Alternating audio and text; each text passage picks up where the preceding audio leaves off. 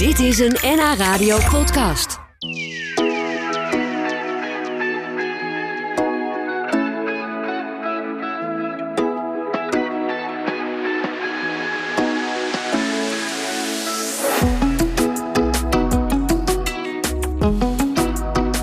Veteraan Vincent Nuchter uit Nek die zal op 4 mei in de Erehaag staan op de Dam.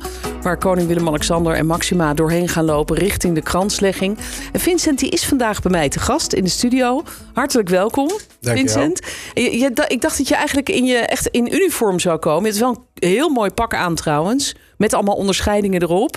Maar dat uniform, dat. eh, Het uiteindelijke pak is nog niet klaar. Oh, Dus dat, eh, er was een klein probleempje nog met de broek. Maar eh, aankomende dinsdag kan ik die ophalen. En dan eh, oh, gelukkig. Wel ruim op tijd. ruim op tijd uiteindelijk, ja. Ja. Weten. En wat, wat is dat dan voor uniform? Is dat een. een Het is eigenlijk een, een, een normaal pak wat je ook in normale gelegenheden kan dragen. Alleen het is het veteranentenu, het nieuwe veteranentenu.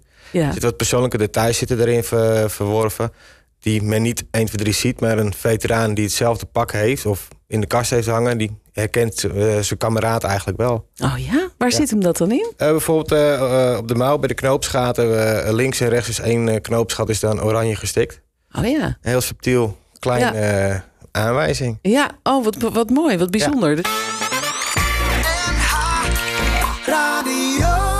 Wat eh, bijzonder dat je even bij ons bent. Dankjewel. Met een, eh, niet je uniform aan, maar wel een keurig pak met je onderscheidingen daarop.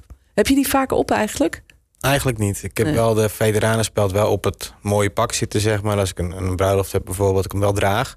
Men ook vraagt van, hé, hey, wat is dat? En dan doe je je verhaal, leg je het uit. En dan eh, kijk je toch wel met bewondering naar je. Ja, ja, dat kan me voorstellen inderdaad. En die, die grote onderscheidingen die jij links draagt, wat zijn dat voor een... Eh, de een is eh, de Nederlandse herinner- herinneringsmedaille van vredesoperaties. En de, de voor jou gezien, de linker, is de eh NAVO-medaille. Die krijg je als je 30 dagen aaneengesloten bent in het gebied. Ja, en dat is in jouw geval gebeurd. Tegenwoordig, dat is misschien wel mooi om te vertellen. Want mensen vragen zich natuurlijk af, wat doe je dan nu als je veteraan bent? Je bent hartstikke jong. Eh, tegenwoordig ben je timmerman bij een bedrijf in Wormerveer. Ja. Eh, maar jij staat op de Dam donderdag als veteraan. Je bent drie keer uitgezonden geweest naar Afghanistan. Hoe oud was je eigenlijk toen je voor het eerst ging? Ik was krap 19. Ik was eh, twee maanden 19 toen ik voor de eerste keer wegging. Hoe was dat? Jonge jongen. Ja, als zo jong. Waarheen? Ehm, ja, heel apart. Eh, een hele grote ervaring, een nieuwe ervaring vooral. Maar eentje die je moet, ma- moet maken als je in dat beroep natuurlijk zit. Eh, het was allemaal heel spannend. Eh, tweede keer voor mij hele leven ging vliegen bijvoorbeeld. Oh ja. Dus ja, dan, dan, en nu was het een heel lang stuk. En dan is het wel heel apart hoe dat allemaal in zijn gang gaat. Ja, en, en wa- wat was jouw werk daar? Wat ging je daar doen? Ik was bedienaar waterzuivering. Dus wij hadden een grote installatie daar staan. Wij maakten het, het kookwater en het douchewater voor het kamp. Dus dat, eh, dat deden we gewoon met machines eigenlijk. En eh, de rest van de dag eh, hield ik alles in de gaten... en eventueel hand- en spandiensten verrichten bij andere eenheden. Ja, dus, dus in de eerste plaats eigenlijk als ondersteunend personeel Ja, aan de, de militairen die daar zaten. Dus niet zelf als, als vechter daarheen Nee, om, om, om daar nou ja, wij- militaire ik- acties te ik- doen. we maakten deel uit van het regiment bevoorrading en transport. Wij, Ja. dan, wij zijn ondersteunend aan de gevechtseenheden. Ja. En, en hoe zag jouw leven daar eruit? Ehm ja, s'morgens, normale tijd sta je op. Dan ga ik mijn systeem ga ik opstarten, dat alles eh, alvast gereed klaar is. Eh, eten. En na het eten ging ik gewoon eh, mijn machines aan en dan draaide mijn dag eigenlijk. Op de dag aantal verschillende controlerondes. Kijken of alles goed loopt, alles goed gaat. Eventueel chemicaliën bijvullen. En wat ik al zei, desnoods bij andere eenheden gewoon ondersteunend van... hey, kunnen we een handje helpen? Ja, het klinkt als een heel normale werkdag. Ja, maar dit dan in Afghanistan. Ja. eh, op een plek waar jullie natuurlijk eh, ja, in vijandig gebied zaten. Eh, hoe, voelde dat voor jou? Jij was hartstikke jong natuurlijk toen je daar voor het eerst heen ging. Was je daar heel erg bewust van? Had je daar wel eens angst over? Dat je dacht, jeetje, wat, wat gebeurt er eigenlijk rondom ons kamp allemaal? Ehm, wij kwamen daar in 2006 eigenlijk in een tentenkamp kwamen we aan. Dus het was minimale bescherming. De ESA was de, eigenlijk de enige bunker die we hadden. Ehm, het, of, het uiteindelijke kamp werd wel gebouwd, maar ja, dat was nog echt in aanbouw. Dus daar konden we nog niet heen. Dus ja, we sliepen in tent en ja, ze zaten ongeveer op 2, 3 kilometer van ons vandaan. Daar zat de vijand. Eh, mijn allereerste nacht in het gebied zelf, toen kregen we al te maken met een raketaanval. Ah. Dus dat, eh, dat is dan wel dat je denkt, oké, nu word je even met je neus op de feiten gedrukt. Jeetje, hoe ging dat dan? Je, je hoorde dat? Of, of hoe, Nee, we waren allemaal in diepe slaap. En op een gegeven moment hoorde inslagen. En dan eh, denk je, ja, wat is dit? Ik had het natuurlijk nog nooit meegemaakt. Ik was er krap binnen. Ehm, keek rond in de tent van, hey, wie doet wat? Dus je gaat eigenlijk eh, hun gedrag kopiëren. En toen kreeg ik ook het besef van, hé, we worden aangevallen. Eh, snel je scherfvest om en eh, richting de eetzaal met je wapen. En daar is gewoon afwachten, wat, wat komt er nu? Nou, Ja, want, want jij, jij had daar dus wel gewoon een wapen. Je bent Ja. wel voorbereid op eventueel de situatie dat je jezelf moet verdedigen in elk ik, was gewoon, ik, ik was gewoon basisopgeleid, zoals Ja. eh, elke militair eigenlijk. En met mijn specialisatie was de waterzuivering. Ja, Eh, dus dan gingen we naar de eetzaal tot het zijn veilig gegeven was. En dan gingen we weer terug. En dan ging de, de dag eigenlijk gewoon weer verder zoals hij normaal was. maar heb je toen nog wel een oog dicht gedaan? Dat durf ik niet meer te zeggen. Zo lang, nee, maar uiteindelijk slaap je natuurlijk wel. Ja, Natuurlijk. Ja. Alleen daaruit is mijn voorbereiding voor elke nacht gekomen. Dat mijn kleding wel klaar hing. Mocht er geval zijn van hey, we worden weer aangevallen. We moeten naar de post of wat dan ook. Ah, ja. Ik wel altijd gewoon gekleed ging. Ja, heb je, heb je daar nog steeds iets van eh, meegenomen eigenlijk? Dat je alert bent als je gaat slapen of dat je denkt... Goh, ik moet wel zorgen dat alles eventueel, mocht er iets zijn, bij de hand is? Je neemt wel ehm, dingen mee, ja, dat zeker. Dat je gewoon voorbereid bent. Zoals nu in mijn huidige werk ook. Mijn zakken die zijn zo ingedeeld dat ik blind kan pakken wat ik nodig heb. En dat mijn collega ook weet. Ook met de, met de werkbus bijvoorbeeld. Ik zeg tegen mijn collega, dat moet ik hebben. Dat ligt daar en daar. Ja, Dat hij het ook gewoon zo kan pakken. super georganiseerd. Voorbereid op Ja. onverwachte situaties. Dat is zo kan je het wel eigenlijk. zien eigenlijk. Ja.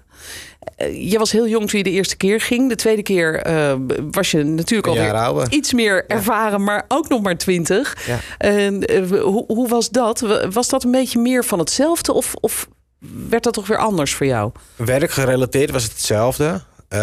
Alleen de situatie in het gebied zelf het was totaal anders. Eh, er is zoveel gevochten door de eenheden. Eh, we zijn meerdere keren aangevallen met raketaanslagen. Ehm, zelfs op het kamp direct, dat de, dat de raketten insloegen. Ehm, Ben je niet enorm bang geweest? Nee, ja. ja, op zo'n moment wel. Eh, vooral omdat je gewoon eh, het grind en het fosfor, et cetera, jouw kant op ziet vliegen. En dan ga je weer terug op je skills en drills die je aangeleerd zijn tijdens je opleiding. Namelijk? Eh, normaal gesproken, als je op de handgranaatbaan staat in Nederland, dan hebben ze daar een, een zwaaipaal dat je de hoek om kan zwaaien, mocht het fout gaan. En ehm, ik gebruikte een, een eh, regenpijp als zwaaipaal om de hoek om te gaan. En dat was iets wat je gewoon in je, in je ge- eh, spiergeheugen zit, zo diep ingegraven, maar dat, op zo'n moment komt wat eruit. Ja. En waarschijnlijk heeft dat mij toen gered. Eh, maar ook, we gingen mee bijvoorbeeld als, als bijrijder eh, tijdens de bevoorrading van het, eh, de buitengelegen post. Ja, toen hebben we bijvoorbeeld ook gehad dat de raketten overkwamen vliegen. Eh voertuig voor ons wat een bermbom pakte. Wat? Dat heb jij zien gebeuren? Ja, ja en het, de chauffeur daarvan was een, een, ja, een, een jongen die gewoon vanaf het kamp kon. Wel eens een praatje mee maakte.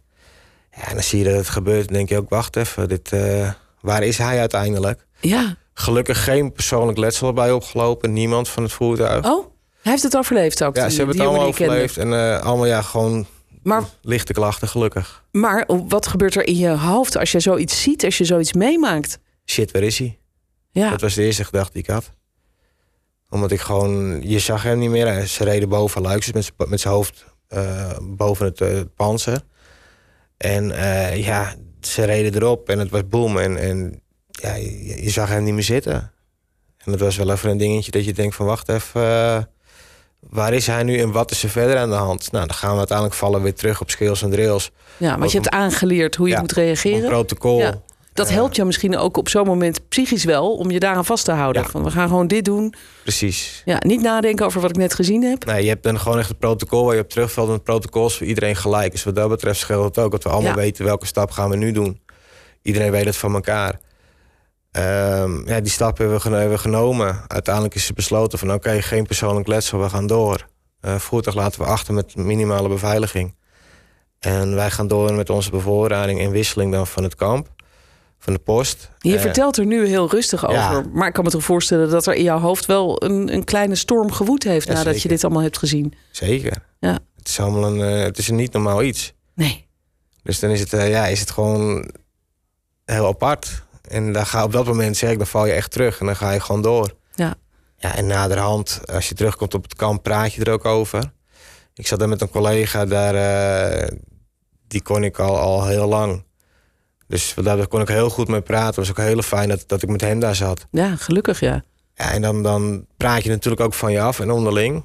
Nou, als je dan die, die chauffeur bijvoorbeeld ook tegenkomt... dan slaan we toch even op de schouder en geven elkaar een goede knuffeltering. Tenminste, ik ben blij dat je er nog bent. Ja, Dat tuurlijk. het goed gaat. Alleen ja, eh, die moet het wel een plek zien te geven. Ja. Sommige veteranen krijgen PTSS door dit soort ervaringen. Eh, dat, is, dat is jou niet gebeurd. Je hebt het, oh, althans Nee, voor het zover ik niet- weet. Het is, nee? het is niet dat ik... dat het mijn werk belemmert, zeg maar, mijn dagelijks leven belemmert. Maar je neemt het natuurlijk elke dag mee. Ja. Dat is gewoon heel simpel. Ja. We praten zo nog eventjes verder over wat je hebt meegemaakt. En ook met wat voor gevoel jij dus straks op de Dam staat. En eh, Vincent, je vertelde net dat je 19 was. Dat je voor het eerst werd uitgezonden naar Afghanistan. Ja, klopt. Ongelooflijk heftig. En we krijgen wat appjes van bezorgde mensen die zeggen... hoe kan dat eigenlijk dat iemand die zo jong is... zoveel heftige dingen meemaakt... moeten ze niet een soort minimumleeftijd van de 25... maar het is misschien goed om te benadrukken... dat jij dat zelf graag wilde, hè? Ja, de, Je werd niet gedwongen. de minimumleeftijd is, is 18 bij in Nederland om eh, op uitzending te mogen. Ehm, maar ik wou van vroeger, wou ik het al vanaf kinds af aan, wou ik al het leger in. En daar hoort gewoon bij dat je op uitzending gaat. Ja, dus dit was eigenlijk toch iets wat jij zelf heel graag wilde... ondanks jouw jonge leeftijd. Klopt. 2007 bijvoorbeeld was ook een eigen keuze. Dat ik, ik was toen gevraagd, wil je weer? Ik zei, ja, is goed, ik ga weer. Ja, ja. Zou je nu met terugwerkende kracht denken van... goh, ik was misschien toch wel heel erg jong... misschien zou er wel een soort iets hogere minimumleeftijd moeten zijn? Nee, Nee? nee Gewoon- vind, ik, ik Nee, persoonlijk als vind iemand het zelf wil, dan moet hij gewoon kunnen gaan. Ja. Oké, duidelijk. Hey, de- donderdag sta je dus op de Dam in dat erecouloir. Hoe Ja. bijzonder is dat voor jou? Hele grote eer. Het moment dat je, je hebt je eigen ingeschreven, je krijgt inderdaad ook bevestiging dat je daar mag staan. Dan, dan dat geeft een gevoel van binnen, het is on, eh, onbeschrijfelijk gewoon. Ehm, ik kom mezelf kom ik al een aantal jaar op Dam om het gewoon mee te maken. En dat je dan zelf dan in, die, in het erecouloir mag staan. Een grotere eer in mijn ogen bestaat er momenteel niet. Nee, wat moet je precies doen, praktisch gezien? Eh, wij staan vanaf het monument gezien richting het paleis staan wij eh, met, met 60 eh, veteranen, jong, oud, man, vrouw. En daarna komen de verschillende krijgsmachtsdelen, die staan dan langs de, langs de, de route eigenlijk die de koning en koningin gaan afleggen vanaf het paleis naar het monument. Eh, daar staan wij ongeveer een, een twee, tweeënhalf uur staan wij eh, om de groet te brengen onder andere. Maar Ja. ook respect eh, te tonen richting de, de slachtoffers. Ja, sta je dan stil of is er nog een soort beweging? Sta je, Nou, in eerste instantie staan we daar in de eerste rust. Maar op het moment bijvoorbeeld... de eerste rust is gewoon... Eerste rust is gewoon strak stilstaan. eh maar dat je niet in het gelid staat, dus niet de groet brengt bijvoorbeeld. En op het moment dat de koning koningin eh langs komen lopen, dan brengen wij de groet. Samen ook als de ridders van de militaire Willemsorde langs komen lopen, dan brengen wij ook de groet richting hen. Ja, ja. Ja, en, en hoe, hoe werkt dat? Eh, dit is voor jou de eerste keer dat je dit helemaal gaat meemaken. Je bent een aantal jaren geleden was je ook al zo, maar Ja, toen, toen was je ziek eigenlijk. Hè? Dus toen heb je het net niet gered. Nee, dat, Nee. eh, dat was de allereerste keer in 2016. Eh, ja, ik ben ziek geweest. En 2016 was voor mij gewoon een, een hersteljaar. En mijn lichaam was nog niet voldoende hersteld om het vol te kunnen houden. Ehm, ik ben ongeveer op drie kwart van de hele ceremonie ben ik uitgevallen. Ja. Dus dit is eigenlijk een soort herkansing ook Ja. voor jou. Heel belangrijk lijkt Ja, me. heel, heel belangrijk. Heel Ja. belangrijk. Wordt zoiets nu nog geoefend? Of hoe gaat dat van tevoren? Of krijg je gewoon een instructie met een blaadje van... je staat op dat kruisje daar en daar moet je stil blijven staan? Nee, we hebben twee eh, momenten van bijeenkomst hebben wij eh, voorafgaand. Ehm, eentje in Doorn, dan zien we elkaar gewoon, wordt het allemaal uitgelegd. Tenuecontrole wordt gedaan of waarop te letten voor je tenue. En eh, een aantal weken terug zijn we in Amsterdam geweest. Wederom weer even een praatje met z'n allen, wat uitleg. Maar ook eh, hebben we een aantal momenten genomen om, te, om het te oefenen, het marcheren, het exerceren. En, en daar ligt ook een, een touw met allemaal punten erop. En daar kom je uiteindelijk te staan. Oh ja, dus je weet wel precies waar je moet staan. Ja. En ook wat je moet doen. Ja. Wel voor het eerst sinds lang denk ik dat jij weer een uniform draagt. Ja, nee, ik, ik kom jaarlijks kom ik ook op Veteranendag. Oh ja. En dan lopen we ook mee eh, met Afghanistan-veteranen in het défilé. Ja. Dus wat dat betreft is het niet, eh, niet lang terug. Maar het blijft altijd een spannend moment. Want je wil het gewoon goed doen. Ja, voor jezelf, maar ook voor de uitstraling. Ja, dat snap ik. Een, eh, een belangrijk moment, die herdenking. Aan wie denk jij als je daar staat? Ik persoonlijk denk sowieso aan de, de jongens die tijdens mijn uitzendingen zijn omgekomen. Dat blijft gewoon altijd... Eigenlijk dagelijks blijft het natuurlijk een moment. Maar daar nog veel meer. Natuurlijk aan de slachtoffers en de offers die zijn gebracht in tijden van de Tweede Wereldoorlog en daarna. Ja, ik denk dat, dat wij dat allemaal doen. Op het moment dat, uh, dat die twee minuten stilte is, dan, dan sta je daar natuurlijk uitgebreid uh, bij stil. Dat, dat zal jij ook doen. Ik, ik ga wel even kijken of ik jou ga, ga zien daar. Dat, dat vind ik wel bijzonder. Dat, dat ik nu een beetje weet wat jouw achtergrond is. Uh, alleen heb je dan dus een, een ander pak aan. Dat is wel even, even goed. Wel blauwkleurig, dat wel. Ja, voor okay. de rest dezelfde uitstraling. Oké, goed zo.